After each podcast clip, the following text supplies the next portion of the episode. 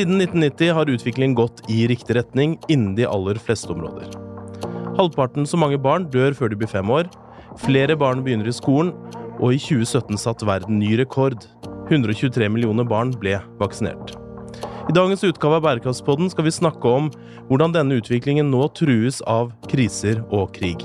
Vi skal se nærmere på bærekraftsmål 3 og 4, altså om helse og utdanning for alle. Vi lurer på må vi tenke nytt om hvordan nødhjelpsarbeid utføres, og må nye aktører som næringslivet inviteres oftere inn. Samtidig lanserer UNICEF Norge i dag eh, vårt årlige humanitære værmelding for 2019, hvor vi ser på det store bildet. Hva er jobben som må gjøres i 2019? Gjester i dag er Ingvild von Krogh, som er seniorrådgiver i Innovasjon Norge, og som samtidig leder innovasjonslaben under det humanitære innovasjonsprogrammet. Vi har også med oss UNICEF Norges generalsekretær Camilla Viken. Mitt navn er Kim Gabrielli, og jeg er assisterende generalsekretær i FNs barnefond UNICEF Norge.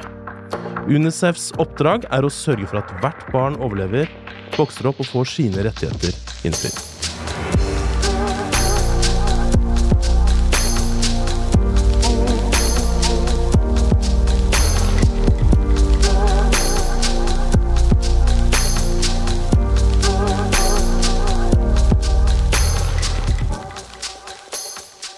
Ja, velkommen til eh, Bærekraftspodden. Da er eh, koppene fylt med kaffe, og vi er klare for å få det meste ut av våre gjester.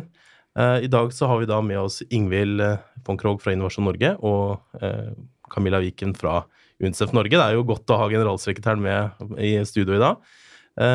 Men vi pleier gjerne da å liksom gi ordet til gjestene, så da må det bli deg, Ingvild, først. Takk for det. Kan ikke du si litt hvem du er? For det har vi erfart at våre lyttere gjerne hører, lurer på, da.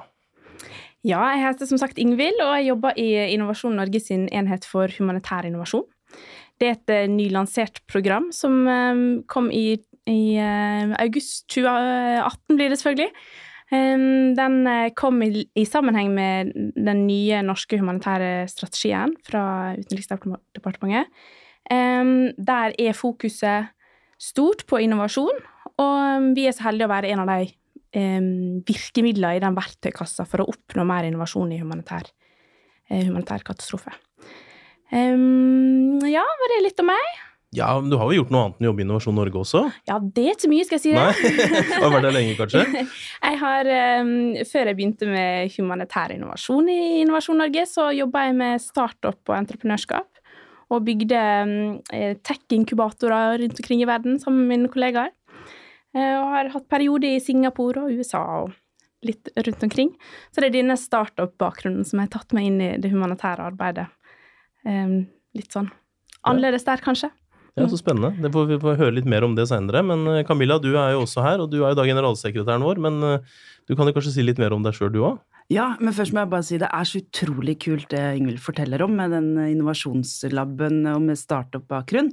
Så jeg gleder meg til å høre på denne podkasten en gang til sjøl etterpå, bare for å lære mer om hva dere driver med. Ja, jeg har jobba i Unicef i to år. Før det var jeg seks og et halvt år i Redd Barna, som også jobber for barns rettigheter i store deler av verden. Men eh, før det så var jeg i næringslivet, så jeg har egentlig en næringslivsbakgrunn. Riktignok deler av det eh, brukte jeg i Hydro i fem og et halvt år eh, og jobbet med samfunnsansvar, så jeg var med i CSRs eh, spede begynnelse, da Global Compact, FNs Global Compact akkurat var blitt opprettet. Og eh, da vi prøvde å finne ut hvilke modeller skal vi ha, og hva er triple bottom line, mm. og nå er jo dette liksom det minste man eh, jobber med. Og det er kjempekult, fordi det er ikke så mange år siden. Mm. Ja, jeg begynner å bli litt eldre, men så mange år er det ikke siden. Og, og eh, miljøområdet tok mange, mange flere tiår å utvikle en forståelse for og en enighet om og målmetode på, da. Men det er jo interessant det du sier, for jeg tror det er 21 år siden Hydro kom med sin første liksom, bærekraftsrapport. Det het vel ikke det den gangen, men eh, og det var jo veldig altså de var langt framme. Eh, og så ser vi samtidig noen oppslag i avisene nå som hadde vært interessant å diskutere, så vi kanskje ikke skal. Men hva, hva tenker, kanskje bare en kort kommentar til det. Hva tenker du Det er utfordrende nå, dette med bærekraft og, og CSR, eh, er det ikke? Ja, altså selve temaet er nok ikke så utfordrende, men det er klart man har enkelthendelser. Og det var også en tilsvarende enkelthendelse som gjorde at Hydro satte skikkelig i gang med eh, CSR-arbeid i sin tid. Det var alle Norte i eh, Lorissa i India. Og de, når de da har dette rammeverket som de har jobbet med i 21 år, så har de et rammeverk det faller innenfor, de har verktøy for å jobbe med det, men at sånne ting skjer og vil skje, både mm. på miljøfeltet, det sosiale og økonomiske, det, det kommer vi ikke unna. Men hvordan vi håndterer det, og hvordan det blir reagert på, det er jo det som nok er annerledes nå enn for 25 år siden, da.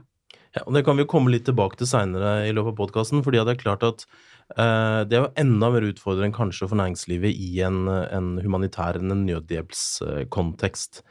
Um, eller liksom situasjon. Men, men ja, liksom, før vi kommer dit, da, så vil jeg gjerne at vi, vi snakker litt om hva er Vi kaster rundt oss med begreper. Nødhjelp, humanitær assistanse, bistand, utvikling eh, Ja, lista er lang. så Kanskje vi kunne drodla litt rundt det. Hva, hva, er nødhjelp? Er det det samme som humanitær assistanse? Jeg har hørt noen humanitære prinsipper. Er det noe som uh, bruker Ja, jeg vet ikke om dere vil, uh, vil, kan si litt om det, så vi hjelper lytteren litt uh, på vei her. Jo, og det blir jo litt blanda, men nå er det nok først og fremst sånn at humanitær bistand, det er det samme som nødhjelp. Det er sånn det stort sett blir brukt. Men humanitære prinsipper, det er jo, og ikke minst internasjonal humanitær lovgivning, det er jo mye mer grunnleggende eh, juridisk rammeverk som eh, sier noe om at eh, hjelpearbeidere skal få fri tilgang uten fare for eget liv osv. At alle parter skal eh, ta hensyn til sivile, at ikke sivile skal ofres i krigføring osv. Så, videre. så la oss eh, ta mm. den ut, uh, ut av denne ligningen. Så har vi nødhjelp, og så har vi utvikling. Utvikling er langsiktig. Det er det man jobber med for at det skal bli varig endring om 10 og 20 og 30 år. Nødhjelp er kortsiktig skal redde liv i dag. Ok, det er det enkle svaret, sånn som jeg ser det. Men så har du det at de henger sammen, da. Ja, for dere ser vel også det, Ingvild, når dere jobber med, har jobba med det altså, nye programmet, da, at eh, de, de, som vi ser som umiddelbare kriser, de eh, begynner å bli ganske lange, noen av dem, gjør de ikke det? Ikke sant. Man snakker mye om humanitarian development nexus, i mangel av et uh, godt norsk begrep på det, men at at disse to verdenene glir mer og mer inn i hverandre. Eh, krisene er mer langsiktige. Eh, folk blir født og vokser opp og eh, har sitt arbeidsvirke i en flyktningleir. Så hvor det begynner og hvor det stopper, blir, blir stadig vanskeligere å, å ja, definere. Denne neksusen den er jo litt sånn skummel, men, men det er jo egentlig snakk om å bygge bro mellom nødhjelp og tida etter etter når man går over utvikling. Det, ikke sant. Ja. Ikke sant. Så fort som mulig, igjen, også i en langsiktig katastrofe, å komme tilbake til business as usual, når man kan si det, og sørge for at det er utdanning, helsetjenester, mulighet for arbeid, selv når en, en eh, katastrofe er vedvarende. Um, og det er selvfølgelig svært utfordrende, spesielt når man ser at både helsevesen og utdanningsinstitusjoner er under angrep i krise, eksempel. Um, så ja. Mm. Ja, det, jeg tenker at det som, er, som jeg trakk opp i den korte innledninga, var jo det at vi har sett utrolige eh, resultater siden 1990. Det bildet mm. vi ser i aviser, og som fortsatt er ikke helt ikke det, mm. det, går veldig bra i mm. verden. Mm. Men på veldig mye så går det Altså har vi fått utrolig mye på bare 30 år. Men samtidig så ser vi nå at uh, antallet barn som begynner i skole f.eks., er i ferd med å flate ut, og noen tall viser at de går ned igjen. Vi ser at det er næring, altså det er flere barn som legger seg sultne nå enn de siste årene eh, av eh, eh, altså klimakriser og uh, problemer i landbruket, da, ikke sant? Mm. Det er satt ti år tilbake i antall eh, mennesker som eh, ja, er underernærte. På grunn av kriser, rett og slett. Ja. Og, ja, mm. og nå er vi ja, satt et tiår tilbake. Og det som har blitt verre for mennesker, og særlig for barn, det er mengden krig og konflikt mm. i verden. Eh, og det er jo nettopp det Unicefs nye rapport eh, viser, da. Ja, ikke sant, fordi tallene har blitt Det har gått ganske feil retning nå siste året, er det sånn? Ja, de siste De tre siste årene så har det vært verre og verre eh, hvert eneste år, men de foregående hele det foregående tiåret så har det sakte, men sikkert eh, krøpet i ille retning. Og det som også har blitt verre, er jo angrepet på sivile. Du nevnte det, Ingvild. Angrepet på skoler som mm. mål, som politiske mål. Den seksualiserte volden som våpen i krig. Mm mangel på tilgang, at helsearbeidere eller hjelpearbeidere blir angrepet eh, når de egentlig har fått forhandlet fri tilgang til steder med, med mm. nødhjelp, det har også blitt verre. Og da kommer eh, i noen områder mindre av hjelpen frem også. Eh, så for de barna og de voksne som opplever krig og, og konflikt nå, så har ikke verden gått fremover. Men før vi går litt inn i bærekraftsmålene sånn, så, så, lanserer da UNICEF eh, i dag eh, en, eh, det vi, vi, kaller for Humanitarian Action for Children. Eh, det er rett og slett en slags humanitær værmelding hvor vi ser på alle behovene som finnes i 2019, hva vi skal uh, sier noe om hvilke tematiske områder vi skal jobbe på, og, og, litt om hvor mye penger vi trenger selvfølgelig for å dekke det behovet. Uh, kan ikke du gi oss litt sånn, Hva er de største krisene, hva, hva er den største utfordringen for UNICEF som den tredje største nødhjelpsaktøren? Ja. Uh, jeg burde jo egentlig juble, men eh, det kan jeg ikke når jeg leser rapporten. Fordi denne rapporten er et av våre store flaggskip. Den bygger på all den kunnskapen vi har om alle behov i nesten alle land i verden, for det er der vi er til stede. Så dette er en tung, uh, tung værmelding. Altså med god sannsynlighet for at den slår an. Men innholdet i den viser jo at Du sa det jo, det er eh, flere som eh, legger seg sultne enn før. Det er flere som ikke får utdanning.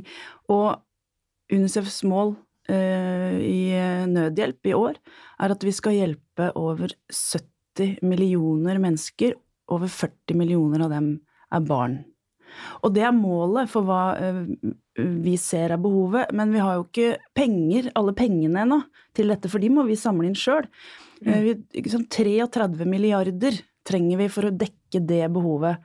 I fjor klarte vi å dekke halvparten av behovet. I år er situasjonen enda verre. Ja, for dette er et budsjett, på en måte. sånn at du, ja, sant, du ser nettopp. så mange barn når vi, hvis vi får så så men, men, det er jo litt interessant. Er Det noen områder som utpeker seg som et område man har fått man, som man fikk mye penger til, da? Eh, eller hvordan er det? Jo, altså, eh. det som er eh, bra, syns jeg, med UNICEF, det er at man kan sitte og se på hele verden og se hvor er det størst behov, hvor trengs pengene mest, og så fordeler man. Så det, det er ikke enkeltprosjekter, men det er store programmer. Og da, i fjor så var det sånn at vann, rent vann, det må faktisk dekkes først. Mm. Så om vi så må ta penger fra et annet område, så dekker vi det. Så da var vi nesten 100% dekket på nødhjelp, på vann og hygiene. Det som gjør at du overlever, da. Og, og, det er liksom da drikkevann Rent drikkevann, at du kan vaske hendene, at, du, at ikke det er toaletter i bakken rett ved siden av drikkevannskilden så alle får kolera, ikke sant. Men at du og dette er gjerne bombet da, i en krig, så du må bygge det opp på nytt. Du må Eh, drikkevannskilden er kanskje full av kjemikalier eh, etter krigføringen. Rørene er sprengt i stykker, sånn som i hele Syria. ikke sant? Alt dette må gjøres på nytt. Det koster jo penger. Og det er kjempeviktig. Folk må jo ha vann hver eneste dag, og de må vaske hendene etter at de har vært på do osv. Så, videre. så det eh, Der dekket vi eh, det behovet eh, vi så i fjor, og hadde i fjor, eh, som vi kunne jobbe med. Men sånn som utdanning, det klarte vi å dekke ja, litt over 50-60 eh, da.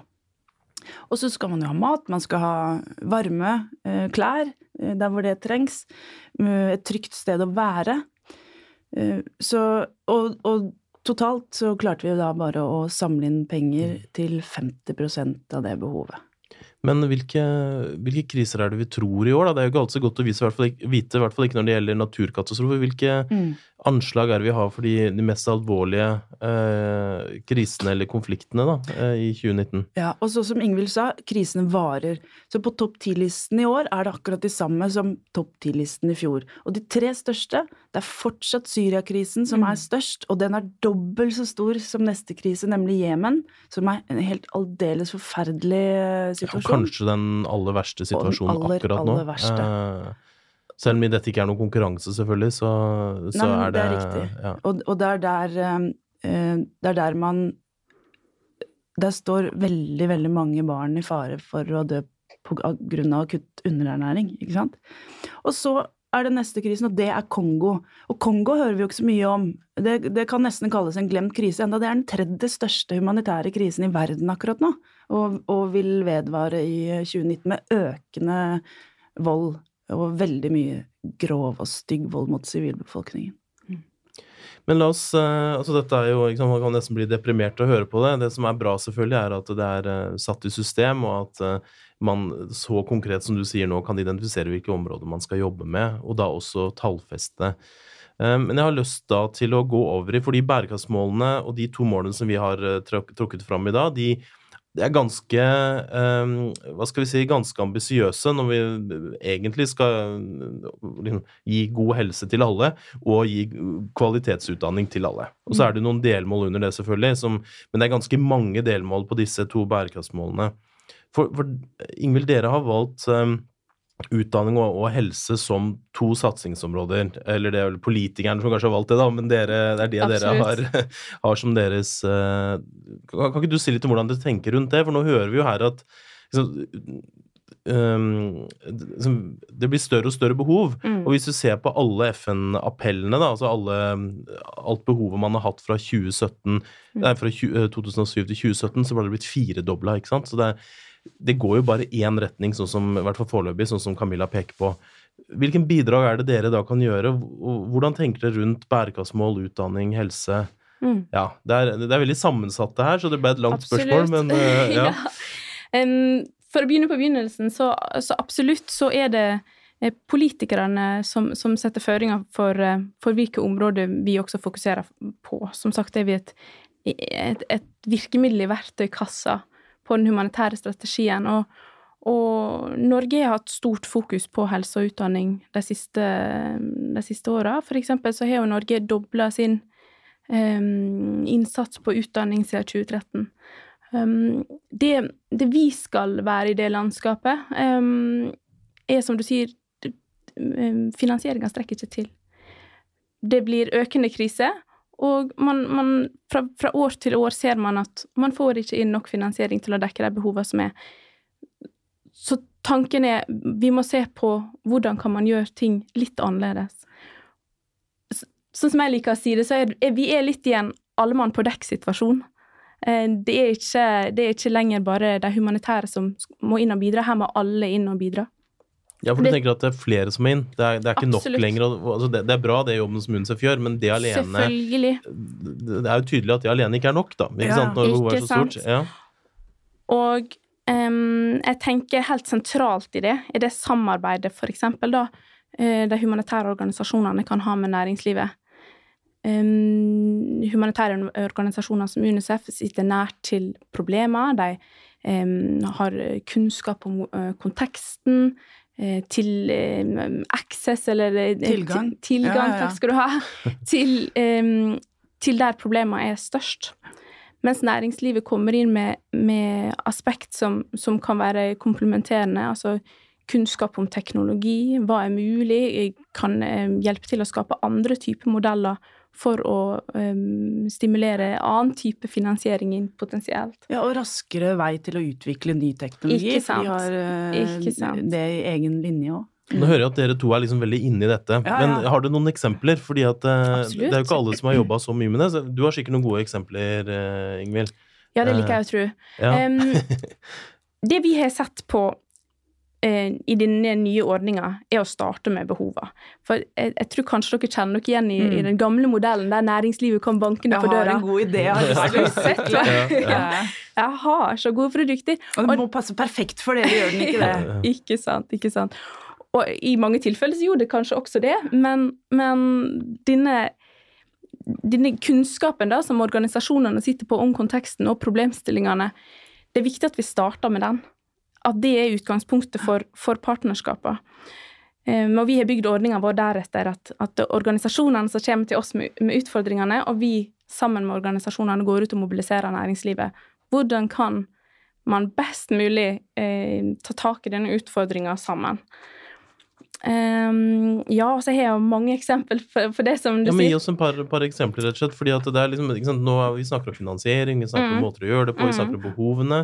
Men, men, hvis jeg hadde vært næringslivsleder da, og mm. sittet og hørt på noe, så hadde jeg kanskje tenkt at Ja, det er fint, det, men uh, vi hører jo hele tida Vi har hørt ofte da at mm. det er vanskelig, at man vil gjerne, men man får det kanskje ikke helt til. utviklingspolitikken. Mm. Kan jeg få nevne to uh, eksempler? Ja, men tror du Ingvild hadde noen først, kanskje, så kan du kaste deg på.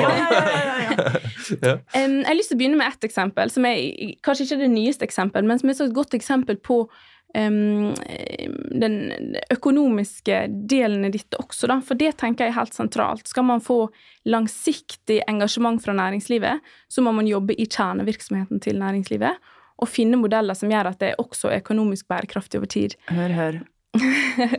og um, jeg besøkte Sør-Sudan for et par år siden, uh, der vi i samarbeid med en FN-organisasjon og en norsk bedrift um, la solpanel på, um, på vannpumper. Som du sier, vann, vannpumpene eh, eller, Unnskyld, ikke vannpumpene, men vann, rent vann, er helt, helt sentralt for helse. Og god helse er helt sentralt for utdanning. Alt henger jo sammen. Og, og den den, det solpanelet gjorde at man kunne pumpe ut vann til 25 000 eh, flyktninger i Maban flyktningleir eh, på en daglig basis, og det skapte stabilitet i dette um, i, i, dette vannsystemet, skulle jeg si, hvor man tidligere var avhengig av å fly inn diesel. Mm. Og uh, return on investment var innen to år. Så jeg vil bare gi et eksempel på at det er det er også gode økonomiske argument for hvorfor man skal gjøre ting smart. Men, men de tjente penger på det, altså? Eller var det return on investment som i at for, avkastning for, for barna For organisasjonen ja. sparte. Så return ja, investment på to år. Men selvfølgelig, bedriften eh, tjener også penger på å, å selge dette systemet og vedlikeholde dette systemet for organisasjonen mm. på sikt. Og akkurat det du sier der, er faktisk viktig ikke bare for et langsiktig samarbeid, mm. men for at behovet Eh, på bakken skal være dekket, ikke bare det neste året, men de neste 30 årene. Mm. Og uh, UNICEF har den modellen uh, flere steder hvor lokalt næringsliv overtar det vi mm. har installert, være seg elektrisitetsanlegg eller uh, vannpumper eller hva det er. Mm. De får opplæring av oss. Det er en, en, prisklausul, så de kan ikke sette hvilken pris de vil. Uh, men som regel er det alltid mye billigere med det vannet da, enn om uh, lokalbefolkningen skal kjøpe vann på flasker. Og så får de faktisk tjene penger på det, og har et insentiv til å vedlikeholde det. Det stimulerer også da Helt lokal sentralt. økonomi, mm. selvfølgelig, mm. og arbeidsplasser. Og det sørger for, i dette tilfellet, rent vann i lang tid fremover. Eh, kanskje i steder som er veldig tørre med lite nedbør. Man må eh, vedlikeholde en dyp brønn. Og jeg, jeg, tenker Det du sier nå er helt helt sentralt, for jeg tror det står mange glitrende pene anlegg rundt omkring i verden som man ikke har tenkt på hvordan skal vedlikeholdes. hvordan, Hvis en liten komponent svikter, hva, hva, er modellen rundt å få dette opp og gå igjen?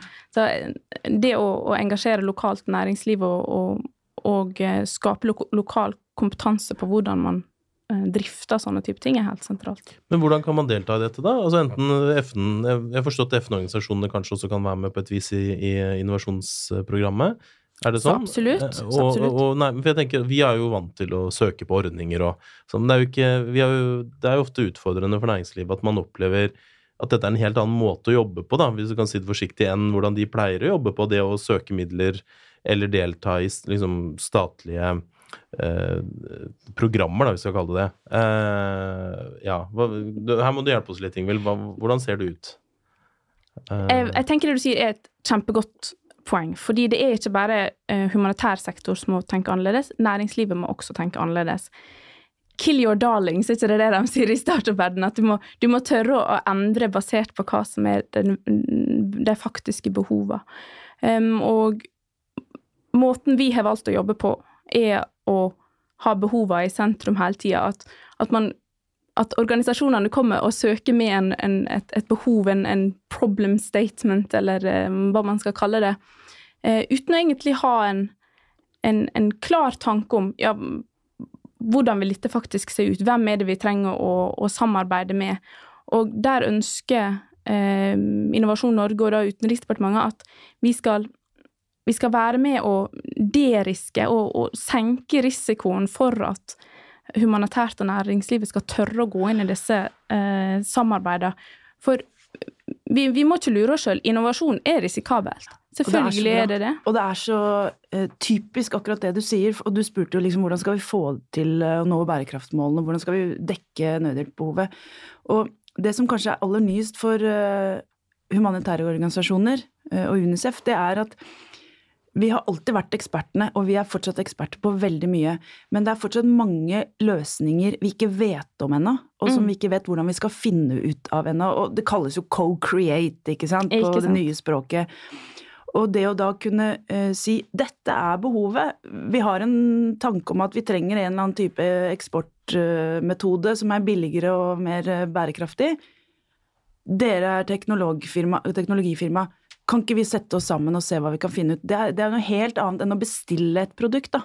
Absolutt. Absolutt. For, for man kan ikke forvente at en, en, humanitær programmerer skal vite akkurat hva som er tilgjengelig av teknologi, f.eks. Mm. Og det er mye som ennå ikke eh, potensielt eksisterer. At det må, at det må, må knas for å for å passe i, i settingen det, det skal passe i. Jeg har et knalleksempel på det som er utviklet nå, eh, eh, og med startups, da. For veldig mange steder så er det veldig vanskelig å komme til med vaksiner. Mm. Eh, det, vi må klatre i dagevis over høye fjell eller uh, gå over ørkener, ikke sant. Og vaksiner de krever spesialbehandling. Det må være vis, en viss temperatur, og de, de, holder bare så og så mange dager før de ikke kan brukes lenger. Mm. Og hvis det tar for lang tid å komme frem, og de er ødelagt innen den tid, mm. så får vi ikke satt vaksiner. Et eksempel eh, på det er Vanuatu, en øygruppe med 85 øyer eller noe sånt nå, og mm. høye fjellkjeder og alt mulig. Så vi trengte en måte å frakte de vaksinene på. Helikopter blir faktisk for dyrt. Mm. Vi har oppretta en diger korridor, en dronekorridor i Kenya. Ja, hvor hvis, Den dronen fins ikke ennå, som kan frakte de vaksinene. Hvis det er drone, da. Men kan ikke alle dere som har lyst til å prøve å utvikle sammen med oss, kom, test i den dronekorridoren. Eh, så jobber vi sammen om å finne det rette produktet. Og nå før jul lettet den dronen eh, på Vanuatu og fikk vaksinert alle de ungene som bor eh, så langt unna at vi ikke kunne komme dit på annen måte med vaksinen. Det er et eksempel på la oss finne ut av dette sammen, og så kommer det ganske raskt ut til de som trenger det. Det er et veldig godt eksempel. Og Unicef er jo en av de um, organisasjonene vi virkelig har sett til. Unicef har vært tidlig ute med å tenke innovasjon på denne måten. Um, oh, nå husker jeg hva det heter, disse her product target profiles. ja, altså det er noen Alle Unicef-ordene? Eh, ja, vi har jo noen uh, Det enkle svaret på det du egentlig peker, liksom nevner nå, er jo det at Unicef har identifisert noen produkter vi, vi, trenger, men vi vet liksom ikke helt hvordan det For å svare på noen løsninger. Mm. Vi vet ikke helt hvordan produktet ser ut, og det er jo mm. på en måte en fin ting å si. Hei, næringslivet, vi trenger denne tjenesten, eller vi trenger dette produktet for å svare på en utfordring. Eh, men vi vet ikke hvordan det ser ut, men kanskje dere kan hjelpe oss. Mm. Eh, og det gjør det jo lettere selvfølgelig for næringslivet også, for da kan man jo da forholde seg til det, og på en måte ikke skyte i blinde. Det er et fantastisk eksempel. Altså, man, man gir en, en, en bestilling på på det som må løses, men ikke hvordan. Og det åpner innovasjonsrommet på en helt annen måte. Um, og, så, så, vi har vært heldige og hatt godt samarbeid med Unicef både i København og i Norge og i, i, i New York på å kna og tenke hvordan kan vi få de um, få de løsningene som vi trenger på å, stimulere flest mulig til å være med og bidra. Det er det jeg mener med mm. alle mann på dekk-situasjonen vi er i nå. Skal man nå disse bærekraftsmålene innen 2030, så må vi alle bidra. Og vi må alle bidra sammen. Og det er kjempekrevende. Og da tenker jeg det er viktig med, med eh, ordninger som den jeg representerer, at um, stat er inn og, og, og gir risikoavlastning for den type samarbeid. Får jeg bare stille et spørsmål, for jeg er litt mm. nysgjerrig på Innovasjon Norge. Det er jo sånn som jeg har forstått det, til for å stimulere eh, norsk næringsliv og norsk eh, forretningsutvikling. Absolutt. Og så på dette feltet så er det jo ikke sikkert at det er en norsk bedrift som har den rette løsningen eller forstår seg på behovet. Hvordan er det med akkurat den ordningen du eh, ja, det er et veldig godt spørsmål, og det er et spørsmål vi får veldig ofte, om å på en måte rettferdiggjøre vår posisjon i Innovasjon Norge. Men jeg syns ikke det er vanskelig å forsvare. I veldig mange av prosjektene våre, så er, eh, er leverandørene ikke norske. Mm. Men man skal ikke undervurdere den kompetansen og innsikten det tilfører for norsk næringsliv å være med i disse prosessene. Og jeg tenker at eh, det er det er ikke det som skaper konkurransekraft, at man presser inn de norske bedriftene. Det er den innsikten og ekspertisen man gir dem på lang sikt, som skaper langsiktig konkurransedyktighet. Så det bekymrer ikke meg det minste. Nei, nei. og eh, for eksempel en av de prosjektene vi har nå, REF, rent vann, eh, så jobber vi med en kenyansk bedrift. Og dette her høres kanskje litt sånn ekkelt ut, men er helt genialt.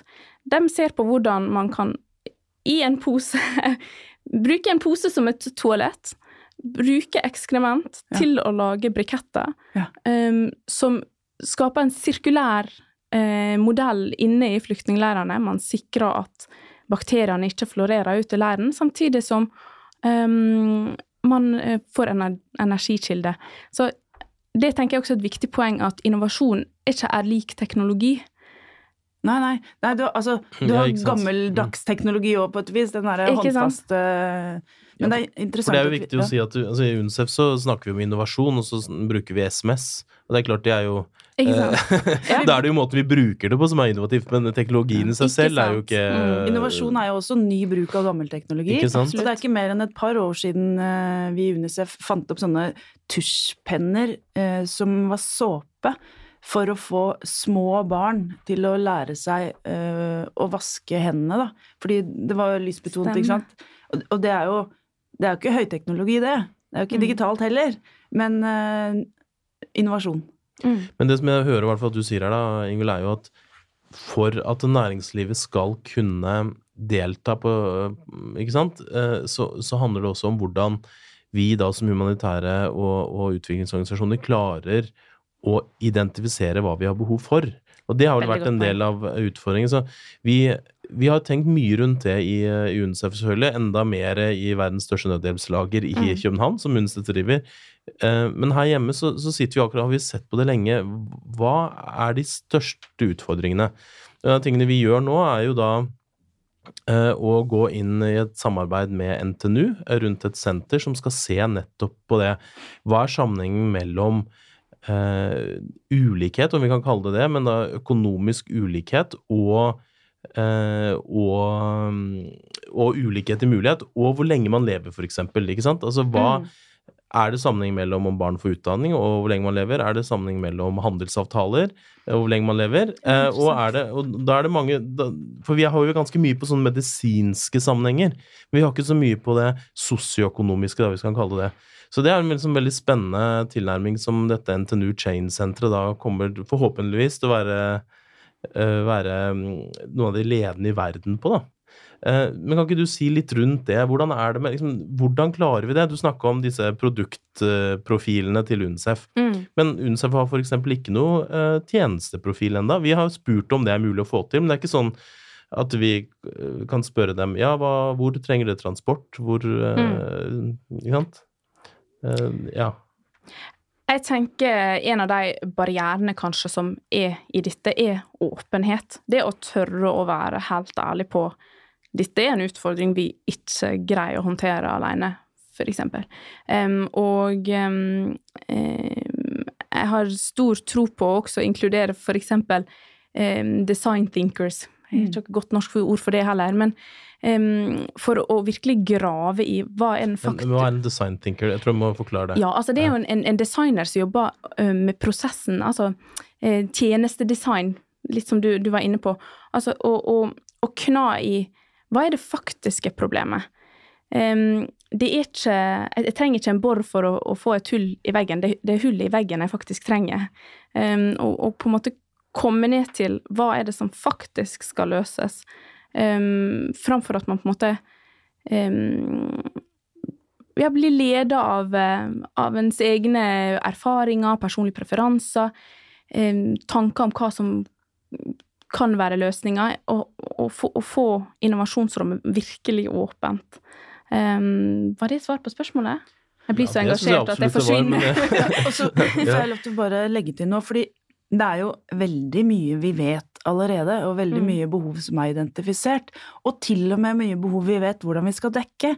Men når vi da har for stort behov for å få penger, så er en del av det vi trenger, er å finne enda mer kostnadseffektive og smarte måter å dekke det behovet på, da, ikke sant? Absolutt. Og et, et lite ekstrapoeng der, så tenker jeg at det blir helt nødvendig at man tør å dele når ting har gått galt. Mm.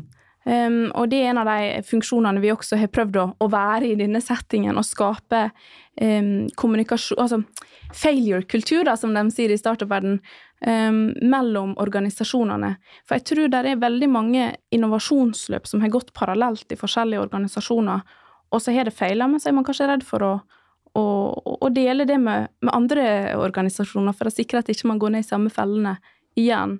Eh, fordi organisasjonene er jo avhengig av eh, donorkapital, og det er ikke alltid kanskje at det er Er det hyggeligst å si at man, dette gikk eh, på ræva, kan jeg si det? Eller Det kan, kan du du si. Vi har jo hatt flere. Vi har hatt flere konnotasjoner til den verden her nå eh, i dag. men, men kan jeg da si, for, altså, for da har jeg et spørsmål, egentlig. For da, Mm. da kommer vi jo tilbake til altså Du snakker om den humanitære strategien til Mm. Altså nødhjelpsstrategien til Utenriksdepartementet, kan vi kalle det. Mm. Men dette er jo en av utfordringene. At eh, det er veldig store krav, og det gjelder jo FN-organisasjonene, og en, kanskje enda større grad norske frivillige organisasjoner, Mm. til rapportering, Absolutt. til ikke sant? Eh, Og, og hvordan henger det sammen med en innovasjonstilnærming, da? Altså Man kan jo være frista til å tenke at man bør være satt av ekstra penger til innovasjon, til et fond som hvor du får lov til å prøve ut ting. Men det er jo ikke tilfellet. Eh, midlene som, eh, som mange av organisasjonene får fra, eh, fra, mm, fra Norad, f.eks. Der er det liksom du må vise, altså Hvis noe penger har forsvunnet, og det er bra at det er sånn til korrupsjon, selvfølgelig, men, men det, å, det er ikke alltid man kan vise sammenhenger da, direkte mellom investeringer, og i hvert fall ikke når man rapporterer over ett eller tre år. Så hvordan henger det sammen? Det, jeg syns det er et kjempegodt spørsmål, men jeg vil ikke tørre å uttale meg på, på en overordna plan ja. på dette. Men jeg, men jeg kan svare for, for ordninga som jeg representerer. Og eh, jeg syns eh, den humanitære avdelinga i UD har vært eh, kjempetøffe, for det de har sagt til oss, at her tillater vi at det går på trynet. Mm. Vi, vi, vi er nødt, skal vi få til innovasjon, så må vi tillate at ting ikke går som det skal. Det som er viktig, er litt som du sier, da, hvordan, hvordan rapporterer vi da disse eh, situasjonene der det har gått på trynet? Hva, hvilken læring tar man ut av det? Og kan man i det også legge krav om at når vi, he, he, eh, vi ikke har fått det til, så må vi være delig, eh, Unnskyld. Være villig til å dele med andre hvorfor det ikke fungerte, og hva man kan eventuelt gjøre annerledes. Em, og det håper jeg man kommer til å se mer generelt. At uh, det blir eh, åpenhet for, um, for at ting skal gå galt, men også et, um, en læringskultur på tvers. For det tror jeg er helt av, avhengig av at man på en måte bygger på, på past failures, på en måte, uh, i å, å komme et steg videre. Um, var ikke det 400 ganger han prøvde karen som skulle lage lyspærer, før han kom til det han som, som er lyspæra i dag. Altså, det- det- man Mm. skal gjennom mange iterasjoner for å, for å komme til Det målet. sitter nok litt Dette- inne, ja. Ja, og dette syns jeg jo høres kjempebra ut, og jeg skulle ønske flere med penger, da. Norad, Ekko, ikke sant. Alle de som du kalte det donorkapital, altså de store giverne til organisasjoner som Unicef. Mm. Eh, Hadde det med eh, i hele sitt system. Nå er det veldig separate pengepotter man kan eh, søke på, men ofte det vi har behov for, er samtidig som vi dekker et umiddelbart behov her og nå, Mm. f.eks. rent vann, så skulle vi gjerne også ha bygget opp det rørsystemet. Det er egentlig utvikling og ikke nødhjelp, sånn at de har rent vann videre. Men vi skulle også gjerne ha funnet ut akkurat der, i, den, eh, i det landet, så kunne vi godt ha trengt en, et produkt som gjør det mer kostnadseffektivt. Da har du både nødhjelp, utvikling og eh, innovasjon som behov ett og samme sted på samme tid. Men søknadsordningene Mm. og pengene, de følger ikke helt dette her. Det, det er nesten, ja ikke umulig, men veldig vanskelig for organisasjoner å kunne sette dette sammen til gode, helhetlige prosjekter. Og det er så godt poeng, så det er kanskje ikke bare humanitære organisasjoner og næringslivet som må jobbe annerledes. Nettopp. Myndighetene òg, gitt. Ja. ja, da må vi jo da til uh, Utenriksdepartementets uh, forsvar, da, så vil vi jo si det at de har vært uh, en av pådriverne, eller Norge har vært en av pådriverne i, oh, ja, ja, i UNICEF for kjernebidrag, som jo egentlig dekker noe av det behovet som du peker på nå. En av de største, altså ikke til forkleinelse, mm. men dette har jo også vært diskutert helt åpent av norske myndigheter. Liksom. Hvordan Absolutt. bygger vi bro mellom disse mm. pengene?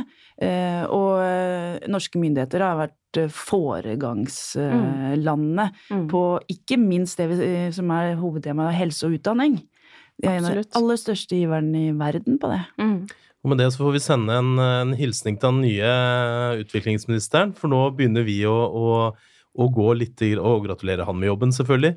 Eh, nå skal vi eh, begynne å avrunde, eh, så nå får dere liksom en sånn siste kommentar, hvis dere vil, før vi, eh, tiden er oppe. Ja, en kommentar på hva jeg, altså, Dette var veldig, det var veldig spennende å høre på Ingvild. Så jeg hører at uh, Unicef og Innovasjon Norge har uh, mye å co-create uh, rundt. Finne løsninger på sammen. Ja, vil du legge til noe, eller? Takk for det. Det er veldig spennende å få lov å være her. Og en, jeg tenker det er det viktigste vi gjør nå. Å sitte forskjellige på tvers av fag i samme rom og utfordre måtene vi jobber på, og eh, mobilisere alle mann på dekk. Ja, da gjenstår det for meg å bare takke for dagens episode og minne om at hvis dere vil vite mer om bærekraft, så kan dere gå inn på unicef.no slash bærekraft med æ. Eh, og så håper vi at dere lytter på neste episode.